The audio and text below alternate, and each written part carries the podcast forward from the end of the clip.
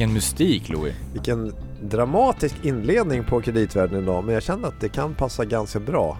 För att du tänker, har det någonting med Corona att göra? Ja, det skulle det kunna ha. Nej men uh, det här var ju, jag vet inte om vilka som kände igen det här, men det här är ju introduktionen till House of Cards. Mm. Den här uh, tv-serien. Har det här att göra med någonting med mitt nya jobb? Nej? Nej. Ja, det hoppas jag inte. Nej. Nej, Nej. Vi, skulle ju, dagens avsnitt har vi kommit fram till kallas till House of Wirecard. Ja, ah, just det. Mm. Nu förstår nog en del vad det handlar om. Mm. Mm. Men ska vi säga först bara att det här är Kreditvärlden, podden av och med Louis och Gabriel. Ja, Gabriel heter jag. Ja, och jag heter Louis. Just det. Och den handlar ju om eh, kreditmarknaden, som man hör på dess namn men också av finansiella marknader i allmänhet och annat som rör, hör där till och som är och spännande. Ett ämne som vi har från tid till annan är ju det här lite med krisande bolag. Ja, precis. Och om man Förra gången pratade vi lite grann om krisande bolag ja, i spåren av precis. coronakrisen. Och vi ska säkert göra det fler gånger. Mm. Och även om man går tillbaka och tänker sig liknande det här så vi har ju gjort tidigare om till exempel Worldcom mm. kan man ju lyssna på. Och Enron. Två avsnitt om varje av de bolagen. Mm. Lite när det var lite redovisningsskandaler och Ja. De är väldigt spännande. Det är bra hängmattelyssning eller ja. löpturslyssning faktiskt. Mm. Hoppas det här också blir det, för att det här är ju faktiskt otroligt spännande. Nu är vi liksom lite grann mitt i en sån här, vi har alltid fått gå tillbaka i historien, titta på Enron som hände för länge sedan, Worldcom, alltså. Nu är vi ju mitt i en sån här ja. skandal, eller hur? Så vi får väl säga att om man, beroende på om man lyssnar på det, det har ju säkert, kommer liksom säkert ha hänt fler episoder i den här uh, Wirecard, uh, vad ska man kalla det för? Mm. Thriller? Nej, mm. finansthriller. Mm, precis. Ja. För att det är som sagt som du säger, det håller ju på att ske just nu allt mm. det här. Men vi tänkte ändå att vi skulle försöka lite grann uh, ta reda på lite mer om vad det här är. Mm. Men ska vi börja med att lyssna på någonting på tyska, Gabriel? Kan vi inte göra det? Okej, okay, vi kör. Wirecard ist pleite. Der in einen milliardenschweren Bilanzskandal verwickelte Münchner Zahlungsdienstleister will wegen Überschuldung und drohender Zahlungsunfähigkeit Insolvenz anmelden, so der Vorstand in einer Mitteilung. Jaha, men det som, om man inte riktigt förstod det här så är väl kontentan att ett bolag som heter Wirecard mm. har gått in i, vi kan väl kalla det på svenska, sorts rekonstruktionsförfarande. Uh, och det här uh, är ett tyskt bolag som håller på med betalningar och det visade sig ganska nyligen att det fattades inom citationstecken 1,9 eh, miljarder euro i deras balansräkning som skulle ha funnits där i likviditet. Ja. Det är ganska mycket pengar. Mm. Onekligen. Så efter eh, några veckors eh, undersökande så kom man väl fram till att man fick lite grann kassa in handduken. Men det ska ju sägas att det finns ett dotterbolag som är som heter Wirecard Bank och den är ju just nu när vi spelar in det här i alla fall fortfarande igång så att säga. Så det här uh, rekonstruktionen gäller själva holdingbolaget. Det är, det är väl helt enkelt, det är väl ett gäng dotterbolag men det kanske ja. vi återkommer till. Ja, precis. Tack för att också för att du översatte så att inte jag min dåliga tyska skulle sättas på prov där. Men ska vi börja lite grann från början kanske? Vi brukar göra det i kreditvärlden. Mm. För det här är ju faktiskt, det är ju inget helt nytt bolag, det har faktiskt funnits ett tag. Ja, och sen är det väl så här också att det är ju inte så många i Sverige som har hört talas om Wirecard misstänker jag. Nej. Man sitter väl kanske inte och följer tyska bolag även om de är börsnoterade och sådär. Mm. Men det här har ju varit i Tyskland en del av att en stort tror jag och kanske en del av att det blev så här pass stort är ju att det har varit mycket förhoppningar kring det här bolaget. Att mm. det är ett så kallat fintechbolag. Mm. Och det har ju inte funnits speciellt många sådana i, eh, i Tyskland och kanske på sätt och vis inte i Europa heller. Då. Och då har man ju satt mycket förhoppningar till att här finns i alla fall ett bolag som har stark tillväxt och, och mm. kan liksom bli en början på att vi i Europa kan VD börja konkurrera med USA och Kina och så vidare. Visst, exakt. Mm. Men eh, från början så var det ju kanske en av många små startups i den här dotcom-bubblan. Ja, ska vi säga vad de håller på med också kanske? Ja men precis, det har väl ändrats lite grann över tid men mm. eh, ganska tidigt så etablerades det väl att de håller på med liksom olika typer av betalningslösningar.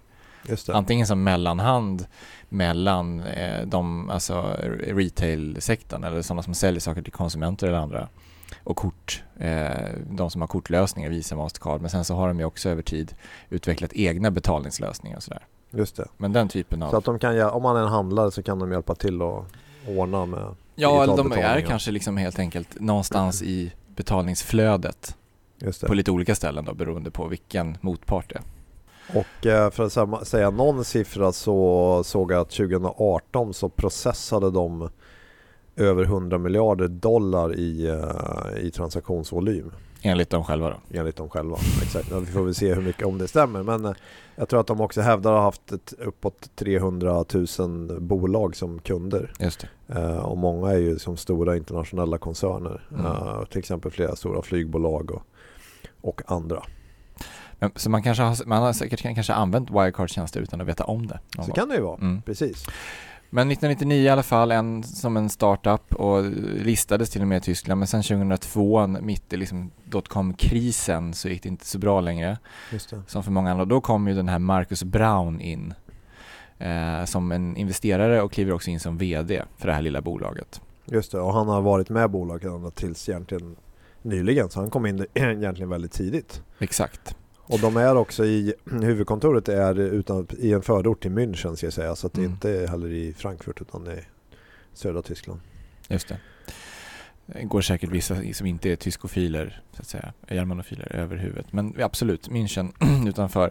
Och de eh, tar sig in på börsen då eh, i Tyskland genom ett omvänt förvärv 2004 och här har, de ju, här har ju Marcus Brown lyckats växa deras verksamhet en del men de är ju nischade mot betalningslösningar för specifikt då porr och online-gambling. Det känns väl eh, sådär eller? Ja visst, det finns Lönsam, många... Lönsamt kanske? Lönsamt var det säkert. Mm. Men eh, då var, de ganska, då var de ganska små, eller hur? Ja, precis. Mm. Och sen eh, så ser väl då eh, man att man behöver, för att liksom kunna växa ordentligt och kunna jobba genom hela flödet av betalningslösningar så behöver man ju någonting mer. Just det. En banklicens. Just det, och det får man 2006. Och då får man en sån här licensiering då också av Visa och Mastercard. Så att man mm. kan ställa ut kreditkort, man kan hantera eh, företagspengar. Och det här är väl rätt intressant då, för då blir man ju någon form av mix av bo, alltså bank, man har både bank och icke-bankaffärer. Och det blir också en uh, lite annan typ av redovisning då som kanske är en, en mix av de här två. Det mm. kanske, och det här är väl kanske lite grann av problemet att det är lite svårt, hur ska man se på på bolaget? Hur ska man analysera det? Precis, många som kanske redan då följde bolaget eller var nyfikna eller även så att säga myndigheter kanske också får förlita sig på bolagets egna justerade nyckeltal. Mm, det, För att de till exempel säger att du redovisar som en bank men har mycket affärer som handlar om vanliga intäkter och kostnader så blir det ganska svårt att bena ut vad som är vad. Ja. Så då, vad är, en, vad är en, om man använder de här analytikertermerna, vad är en ebit-marginal? Eh, i den här verksamheten. Ja, det vet man inte av, av redovisningen själv utan då måste man förlita sig på vad, vad bolaget säger att man har. Så då tar de fram det. Det är mycket praktiskt. Ja, eller hur? Mm. Men äh, sen är det intressant för att redan 2008 så var det en tysk aktieägarförening som publicerar, om man kan kalla det en form av attack mot bolaget där man ifrågasätter deras, uh, deras affär och jag tror även redovisningen. Och då är det faktiskt så att eh, Ernst Young eller EY då får jobbet att göra en specialundersökning av redovisningen och då tar de också över redovisningen. Och eh, det här mynnar ut inte i någon eh, form av, ja, de, EY ska göra den här, EY ska göra den här utredningen mot Wirecard men i övrigt så blir det faktiskt åtal mot två personer i den här aktieägarföreningen då som man tycker har ägnat sig åt marknadsmanipulation eh, faktiskt. Mm. Så att man kan väl säga att bolaget kommer lite grann undan den, den attacken om man säger. Men då är man ju fortfarande lite mindre. Men sen så blir man ju 2010, eh, det är då man tar in ytterligare en österrikare, Jan Marsalek. Och han blir då COO. Mm. Och då bestämmer man också att man ska bli global och även gå över till att börja redovisa på engelska. Just det. Det finns en, eh, eller jag har läst mig till en rolig anekdot, man får väl liksom som alltid, jag är fortfarande underrapportering. Eh, men eh, jag läste i Financial Times en av deras artiklar. De har ju varit ganska, framförallt de som har följt den här Just storyn. Mm. Och där beskrivs ett eh, medarbetarmöte, eller en julfest tror jag. Jul? Gabriel kommer ihåg att vi hade, var det inte Enron, var det inte också någon jul? Jo. Julfest. Det är då de stora mm. beskeden kommer. och här är det då eh, Marcus Brown som normalt sett då tydligen var liksom en tillbakadragen person i bolaget eh, ställer sig upp och talar inför alla och vad som beskrivs som alla medarbetare i bolaget, för det var ganska litet fortfarande, mm. eh, och berättar att nu är liksom corporate language engelska Eh, vilket är lite lustigt då eftersom att alla som var i det där rummet var kanske hälften som förstod engelska utan pratade bara tyska. Vad härligt. Mm. Så, så nu var det dags? Ja men det var dags, det säger väl någonting om liksom, den här strategin av att eh, man var väldigt sugen på att växa mycket ja. snabbt och, och så att säga man ser den här globala tillväxtmöjligheten. Just det. Mm. Och den börjar ju där och då tar de in faktiskt här under åren 2011 till 2014 ungefär 500 miljoner euro i aktiekapital. Och då börjar man expandera internationellt och köper, säg, inom situationstecken, lite obskyra betalningsbolag runt om i Asien. Och man börjar i Singapore och så det blir då regionalt huvudkontor. Och i och med de här förvärven så får man då, börjar man också få ökad uppmärksamhet bland investerare. Både för att man då har en, man kan visa på en snabb tillväxt och sen också som man själv kallar det i alla fall en överlägsen teknologi då som mm. blir väldigt eh, hypad och det är klart att om man tänker liksom digitala betalningslösningar och sådär att man säger det här är framtiden. Men det är en ganska tillväxtfokuserad eller det är en ganska förvärvsfokuserad tillväxtstrategi. Ja, mm. ja precis. Men sen då redan, och det här är intressant för du nämnde ju Financial Times där, men redan 2015 då började de publicera sin artikelserie som vi hade som titel för det här avsnittet, mm. House of Wildcard. Mm. Och då lyfte man faktiskt fram redan då tveksamheter i bokföringen och faktiskt hävdar att det verkar saknas, tycker FT då, ungefär 250 miljoner euro i balansräkningen. Och det är flera saker man tycker är konstiga. Det är bland annat att man jämför med redovisning som bolaget har gett i, i en i i Europa och sen hittar man en annan i Asien, jag tror i Singapore och de här siffrorna tycker man går inte riktigt ihop. Mm. Och sen är det också en praxis som man upptäcker att ofta i samband med förvärv så gör man väldigt stora förskottsbetalningar långt innan förvärven är klara. Eh, och väldigt stora summor. Om man frågar bolaget vad det här beror på då säger man att ja men det är för att så här måste man göra när man ska inleda en förhandling för att visa att man tas på allvar och så vidare. Men ja, man ställer frågor till andra och vissa tycker väl att man kan göra sådana här betalningar, andra tycker att det är lite, lite märkligt. Så, så det är väl en, en rad olika saker som man plockar fram då. Eh, men även då 2015 förutom FT-artikeln så är det också så att då gör även Wirecard sitt hittills största förvärv då. Då är det ett indiskt eh, betalningsbolag eh, eh, som, man, som man köper. Mm. Och man kan väl säga att i samband med de här eh, FT-artiklarna så, så börjar ju också eh, en, en slags eh, en batalj som fortsätter ganska länge mellan olika blankare av aktien, fonder och andra som, som publicerar rapporter och analyser som hävdar att, ja men liksom som förstärker det som FT skriver och Wirecard börjar svara med att anlita liksom, eh, advokatbyråer i sin tur och för att försöka försvara sig och svärta ner liksom, på olika sätt ja. och de som anklagar dem. Det som är lite läskigt är faktiskt att de, nu hävdar ju förvisso då Wirecard själva att de inte har någonting med det här att göra men att både, alltså flera av de här då som är blankare i, och blankare alltså kan vara olika hedgefonder som man kan göra en analys av ett bolag och komma fram till att det är någonting konstigt och man kanske publicerar den analysen och skriver att vi ifrågasätter redovisningen, vi tycker att man ska gå kort i aktien. Eh, den typen av personer plus journalister och analytiker eh, i London blir alla utsatta för olika former både av hackerattacker mm. Så att uh, man, och det här pågår under flera års tid och det är alltså kanske dagligen att man får sådana här mail där man med phishing och försöker komma åt deras lösenord och gå in i datorerna och även väldigt mycket spam för att liksom ja, egentligen trakassera dem. Och, uh, och i samband med det, även en hedgefond uh, då förvaltare på en sån där som har blankat har berättat om att han blev uppsökt i sitt hem i London av så här mycket märkliga individer som frågade om han eh, hade gjort någonting med Wirecard och uh, hans familj blev fotograferad. Mm. Uh, och mm. det här har jag också sen FT rapporterat om. Och det här pågick, han, de flyttade också och försökte byta hus och komma ifrån det. Men det var väldigt svårt. Det här pågick också under flera års tid. Så, så som det verkar är ju då att man anlitade olika former, om vi kallar dem för kriminella element då för att uh, på ett väldigt aggressivt sätt försöka störa det här. Konsulter. Ja, mm. precis. Mm. Nej, det är lite läskigt för att vad som då hände var ju att och det, det, här får vi väl se vad som kommer fram av det sen men när man liksom kontaktade tyska myndigheter och så vidare så verkar det som att man då mer var på bolagets sida. Alltså mm. till exempel Bafin då, tysk, tyska finansmyndigheten uh, verkar ju ha alltså senare tid börjat granska det här men det tycks ju som att då inte att man gjorde så mycket egentligen. Nej, precis.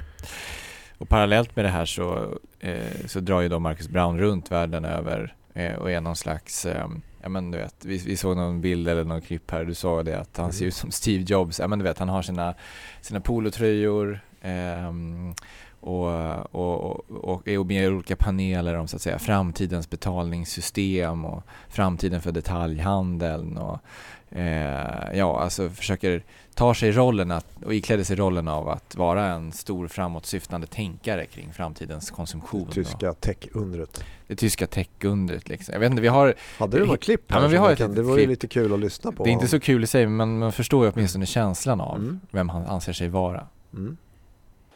This is a real value add, and I think that's exactly the point. It's not about technology, it's about using digitalization to generate real, real value add stories that uh, help the merchant and the, the, the, retailer then to increase his conversion rate. It's, it's that simple. And that they deliver a value add to the consumer. Ja, intressant. Det ska jag också säga, så vi pratade om EY förut och då, de gav ju faktiskt då en eh, clean audit där för i alla fall för 2017 eh, års räkenskaper. Och eh, som du var inne på Gabriel, att man, han predikade ju om deras framtid och tillväxt och under den här tiden så dubblades ju bland annat Wirecards aktier. Och man fortsätter göra förvärv, så man köper bland annat en asiatisk verksamhet från City Mm. Uh, och även sedermera köper man tror jag även någonting i Nordamerika från, uh, från City. Så mm. man fortsätter att, att expandera. Ja, och det är väl såklart många förlitar sig på det. Att jag menar, City Group måste ju ha gjort en, en, en noggrann granskning, process när de säljer en del av sin stora verksamhet i Asien ja. till en aktör kan man tycka. Ja. Men sen är det intressant för att i uh, mars 2018 då har det i alla fall visat sig efteråt och då har man påbörjat faktiskt en intern undersökning i, eh, i Singapore, alltså Wirecard själva då för att man fick in en anmälan från en whistleblower eh, om att man höll på med så kallad roundtripping och det är då att man skickar runt pengar. Om vi säger att man har en viss summa pengar så skickar man det till olika länder för att lite grann visa upp det för att okej, okay, här ska det till Indien, myndigheterna behöver se att man har viss likviditet. Då visar man dem det på något konto och sen går pengarna vidare. Och att, det här, att man skulle lite grann ha satt det här i system då. Eh, så det pågår internt. Och samtidigt då så i augusti 2018 då, då står aktien som högst där på 191 euro. Och uh, det var ju en värdering på mer än 24 miljarder eh, euro. Mm. Så nu börjar det bli väldigt i alla fall värderingar så börjar det bli väldigt, väldigt, uh, väldigt stort. Man har 5000 anställda. Och som du sa, de har ju liksom många eh, 300 000 kunder hade de ju senast man såg en siffra. Liksom. Ja. Lidl var en av dem och Aldi och många andra stora tyska andra champions. Och eh, för Marcus Brown själv då så går det ju ganska bra för att i och med hans aktiepost här då är han vid den här tidpunkten god för ungefär 1,6 miljarder euro. Mm. Smaskigt. Mm. Det kan man ju inte tacka nej till liksom. Nej. Och som en följd av det här höga aktiepriset då, och värderingen så kommer de ju också in då i finrummet kan man säga. Just det.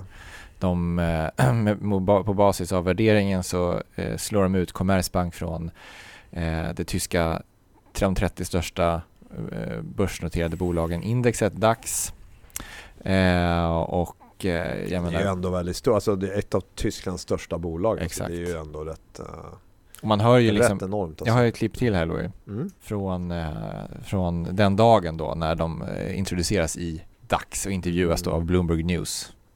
I've got a German CEO here of the company Wirecard, uh, and today, uh, Marcus Brown, you guys are going to replace Commerzbank and the DAX. You're going to be one of the, the big companies on the on the benchmark index here.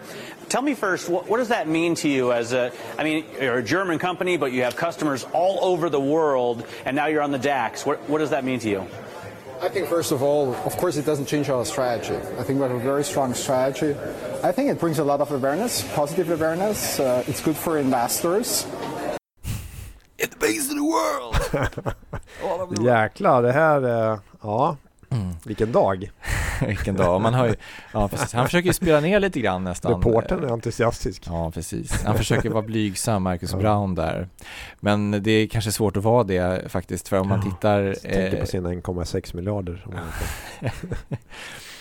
eh, jag, jag, jag såg också att i eh, den eh, Eh, den dagen då, när de kom in i DAX, så täcktes de av ganska många analytiker på olika banker och sådär och, och, institut. Var det många säljrekommendationer då? Ja, det var så här att var, de hade 19 köprekommendationer, mm -hmm. 10 behåll mm -hmm. och en sälj. En sälj ändå? Ja. Mm. Jaha, mm. ja, man vet, vill jag veta vem det var.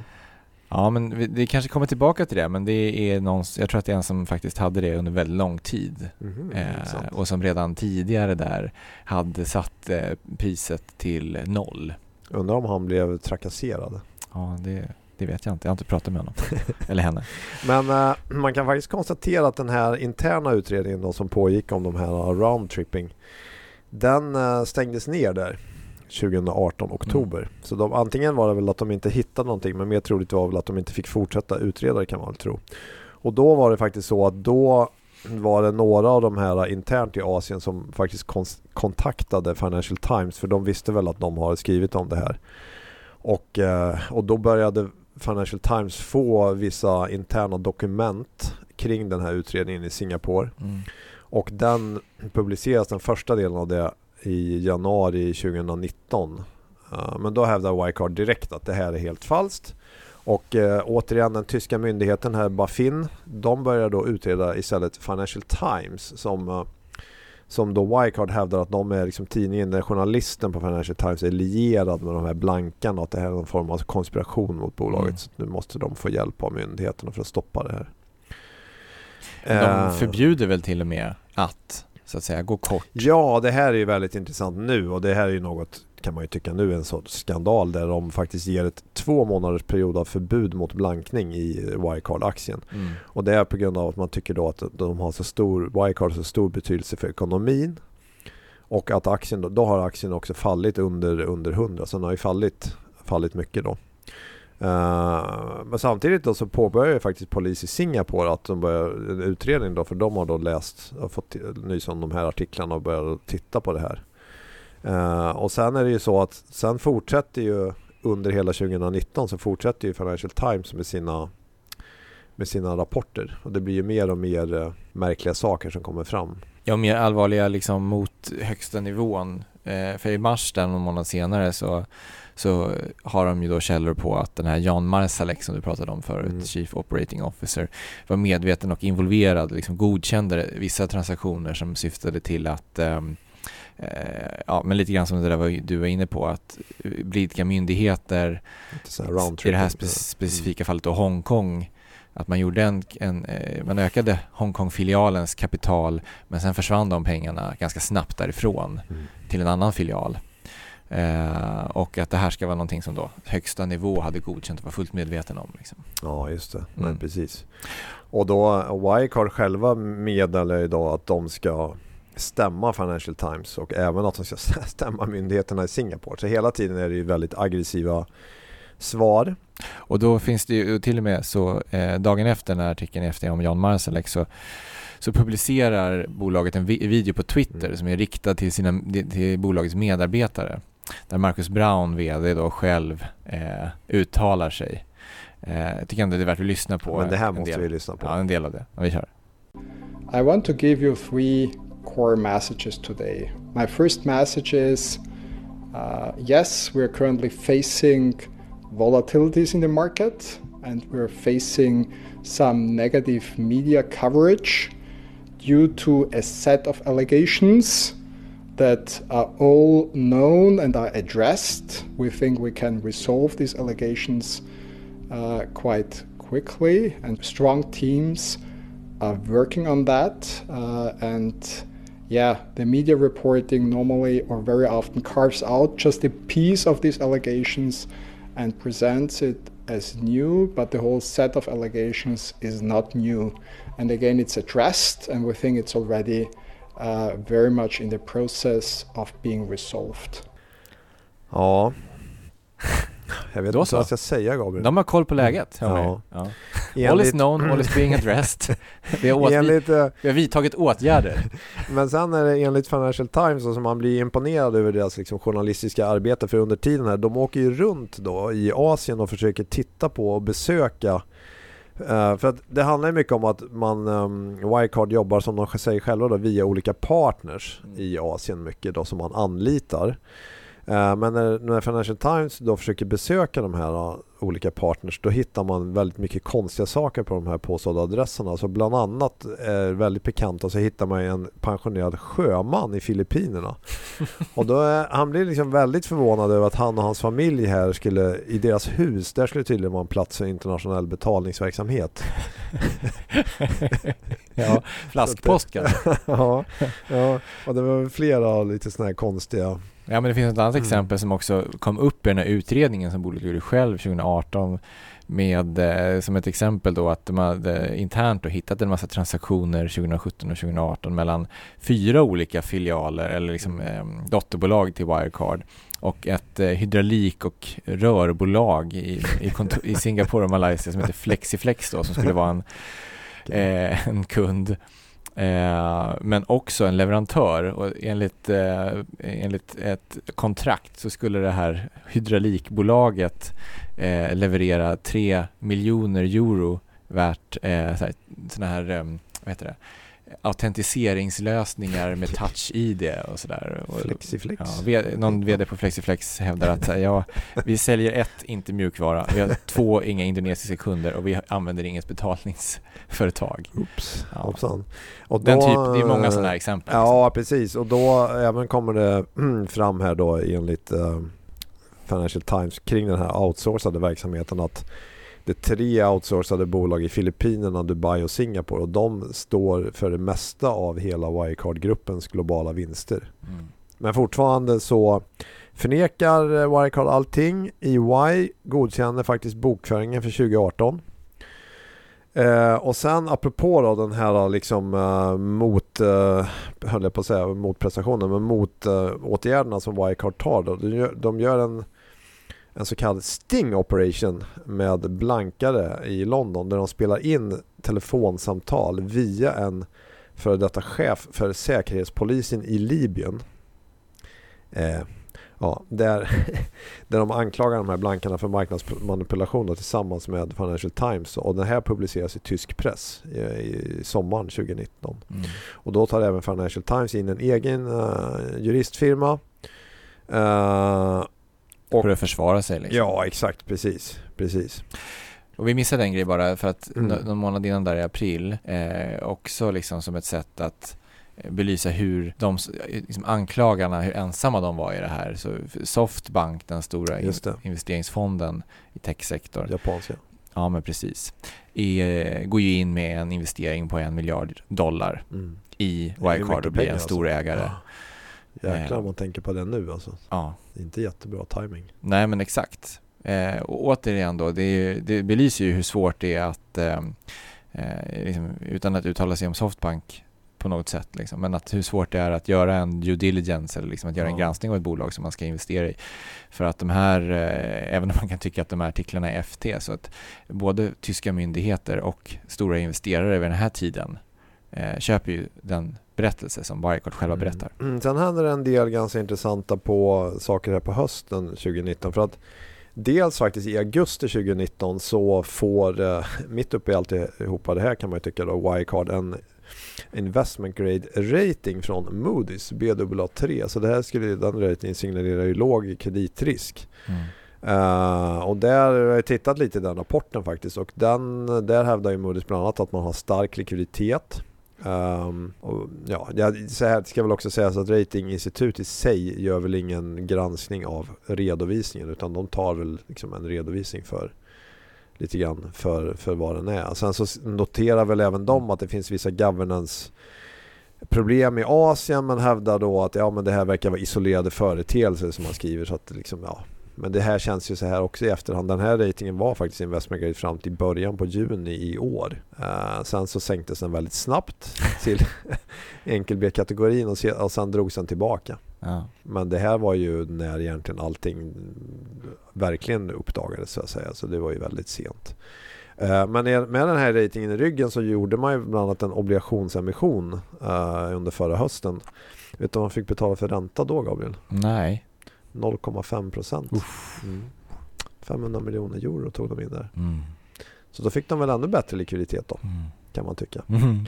Men sen har ju då, sen i december um, 2019 så rapporterar Financial Times att då börjar man titta på det här just med likviditeten och säger att i den här då har man räknat in um, likviditet i så, här så kallade escrow-konton som egentligen ska vara blockade och inte tillgängliga för bolaget och som ska då hållas av av trustee så att man, det här verkar konstigt att man liksom redovisar den som att det här är pengar man har men att man egentligen inte har tillgång till dem. Då. Men eh, sen är det också så att den här KPMG har ju blivit tillsatta för att göra en specialutredning. Ja, bolaget tillsätter väl en, en extra utredning från KPMG vid sidan av EYs, ja, EYs då, ordinarie precis. revision. Ja. Just för att blidka investerare som ställer frågor med anledning av FTs artiklar. Och den, den skulle då vara klar i mars i år. Uh, men sen blir den förskjuten till april. Mm. Och sen då det verkligen brakar loss här, det är den uh, 28 april. Då, för då släpper KPMG till slut sin rapport och då skriver de att man, vi kan inte bekräfta att majoriteten av Wirecards vinster för 2016 till 2018 verkligen stämmer. Vi har även ja, alltså man har blivit hindrade i sitt arbete för att kontrollera det här. Ja. Och även så ifrågasätter man att eh, en miljard euro i kassan, det går inte att bekräfta att den, eh, den finns. Och sen eh, i, höll på att säga så sent som men den 5 juni i år, då gör man en polisräd hos Wirecard i München och börjar undersöka ledningen efter då en rapport från det här, alltså bara finna att då, och då har man liksom vaknat till, men det kan man ju tycka själv att det är. Det är mm, naturligtvis väldigt sent. Och sen den 16 juni då rapporterar man då via två banker i Filippinerna att 1,9 miljarder eh, i kassa verkar vara borta och det bekräftas också av Wirecard två dagar senare. Och vet du vad, vet du vad Gabriel? Nej. Den 19 juni, mm. då avgår Marcus Brown. Undrar varför? ja. uh, sen tar det inte så många dagar, 23 juni, då anhålls han. Mm. Och sen den 25, om vi säger sista också då, då är den här som vi lyssnade på i början, den här rekonstruktionen. Och nu är det veckan efter när vi spelar in det här alltså, mm. så att jag menar det kommer ju hända mycket mer. Men man kan ju bara, eh, och, och det kommer göras grundliga utredningar av myndigheter och FD kommer säkert fortsätta och så vidare. Men det man har förstått hittills av FDs rapporter och lite annat man läst är att det finns alltså en massa intäkter som man har redovisat ja. som inte är intäkter, som antingen är påhittade mm. eh, med kunder som aldrig har varit kunder, som inte har existerat. Eh, och sen är det de här då att man har skickat runt eh, likviditet eller pengar mellan olika dotterbolag så att man ska kunna visa upp balansräkningar som ja. eventuellt då håller. Men just det här, det är sån eh, jag tycker ändå att det är slående att det här som ändå är den stora, eventuellt då om det, det visar sig vara så, eh, bedrägeriet är just att man har hittat på en massa intäkter och att det är både för eh, myndigheter och revisionsbyrå och annat mm. att man inte har haft möjlighet att, att kontrollera och upptäcka det här på liksom tio års tid. Ja. Det är ändå fascinerande tycker jag. Och hur svårt det är, vad det säger, liksom, just dessa apropå det här med Moody's, att man har förhållit sig ju till de eh, årsredovisningar och andra dokument som, som, man har, som har funnits. Mm. Eh, men också då för analytiker som har följt bolaget, att, som också har haft tillgång till samma information. Det går ja. inte att upptäcka den här typen av bedrägeri. Nej men det är väl det man blir fundersam på för samtidigt då så kan man säga att då eh, några journalister på Financial Times kan liksom eh, sitter och kollar verkligen på detaljerna och får inte ihop det och vågar ifrågasätta. Mm. Så det tycks ju ändå som att det fanns tecken. Ja, man kan ju tänka sig, nu vet, det här kan vi säkert ta reda på, men 2015 så började de publicera sina, så att de här mm, visselblåsarna som kom några år senare kan ju göra det för att de upptäckte att det fanns en journalist på FD som redan hade börjat titta. Absolut, men det jag tycker är intressant, för jag lyssnade på en annan podd med en av de här blankarna då. det som han tyckte var märkligt, och det här var ju då 2016 som vi konstaterade när de här trakasserierna började. För han sa ju det, att han har varit van den här typen av fall tidigare att man, de gör noggranna genomgångar, hittar bolag som de tycker beter sig skumt, publicerar en rapport och sen lämnar de över till myndigheter och sen tar de vidare och driver något case. Men det som han tyckte var så otroligt märkligt i det här fallet det var ju att när han pratade med tyska myndigheterna så hände det ingenting. Nej. Det var ingen som var intresserad av att utreda och det här gjorde ju att de kunde fortsätta då alltså tre, nästan fyra år till.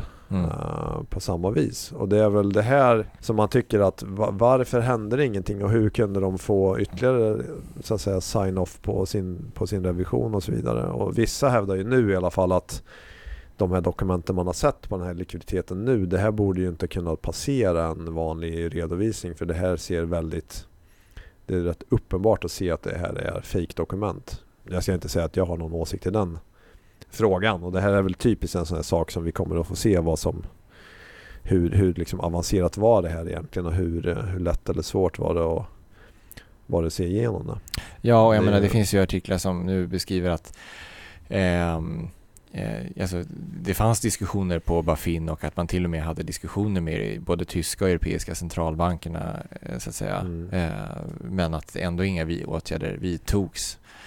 Det kan ju finnas alla möjliga anledningar men vi pratade ju lite grann inledningsvis här om redovisningen som man använder sig av och att det kan vara svårgenomträngligt och även för så att säga de ehm, eh, som sysslar med tillsyn. Att när det kommer affärsmodeller eller redovisning som är okonventionell mm. så kan det vara svårt att förhålla sig till det. Det är ju ingen ursäkt på något sätt liksom. Nej, tvärtom, sen kommer väl säkert den här debatten att komma upp, alltså både om man tänker myndigheterna, det kan ju finnas en, ett inslag av en sorts nationell stolthet, att här har vi ändå liksom en Äntligen får vi ett tyskt fintechbolag och det är nog ganska jobbigt att börja ifrågasätta att de skulle vara någon form av bluffmakare.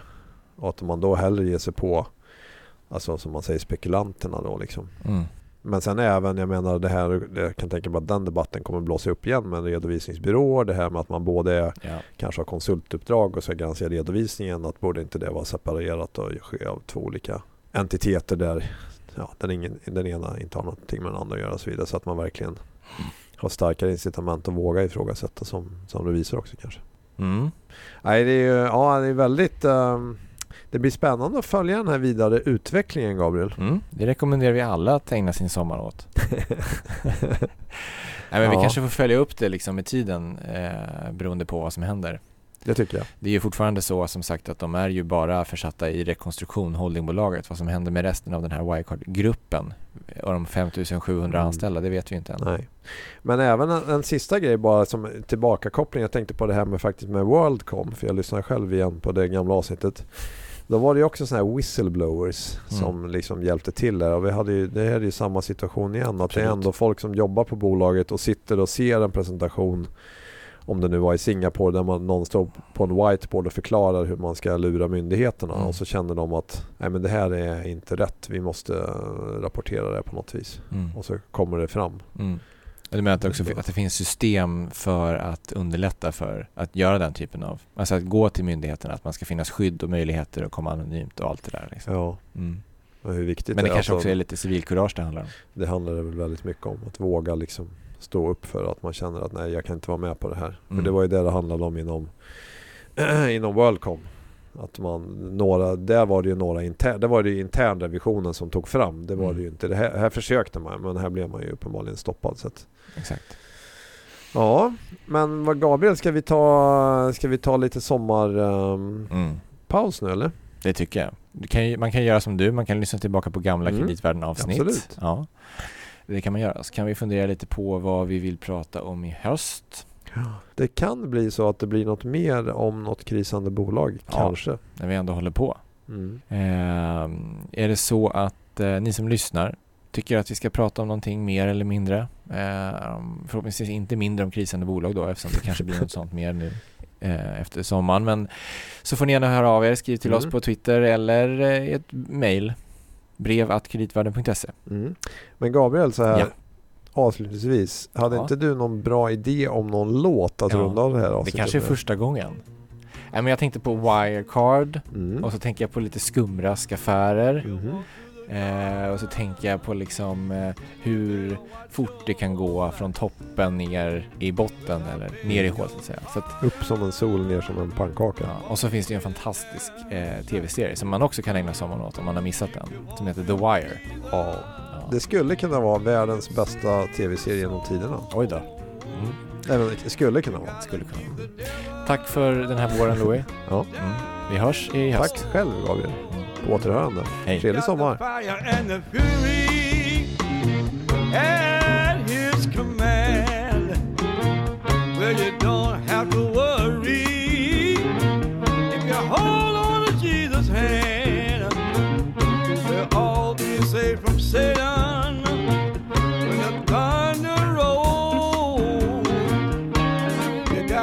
The devil.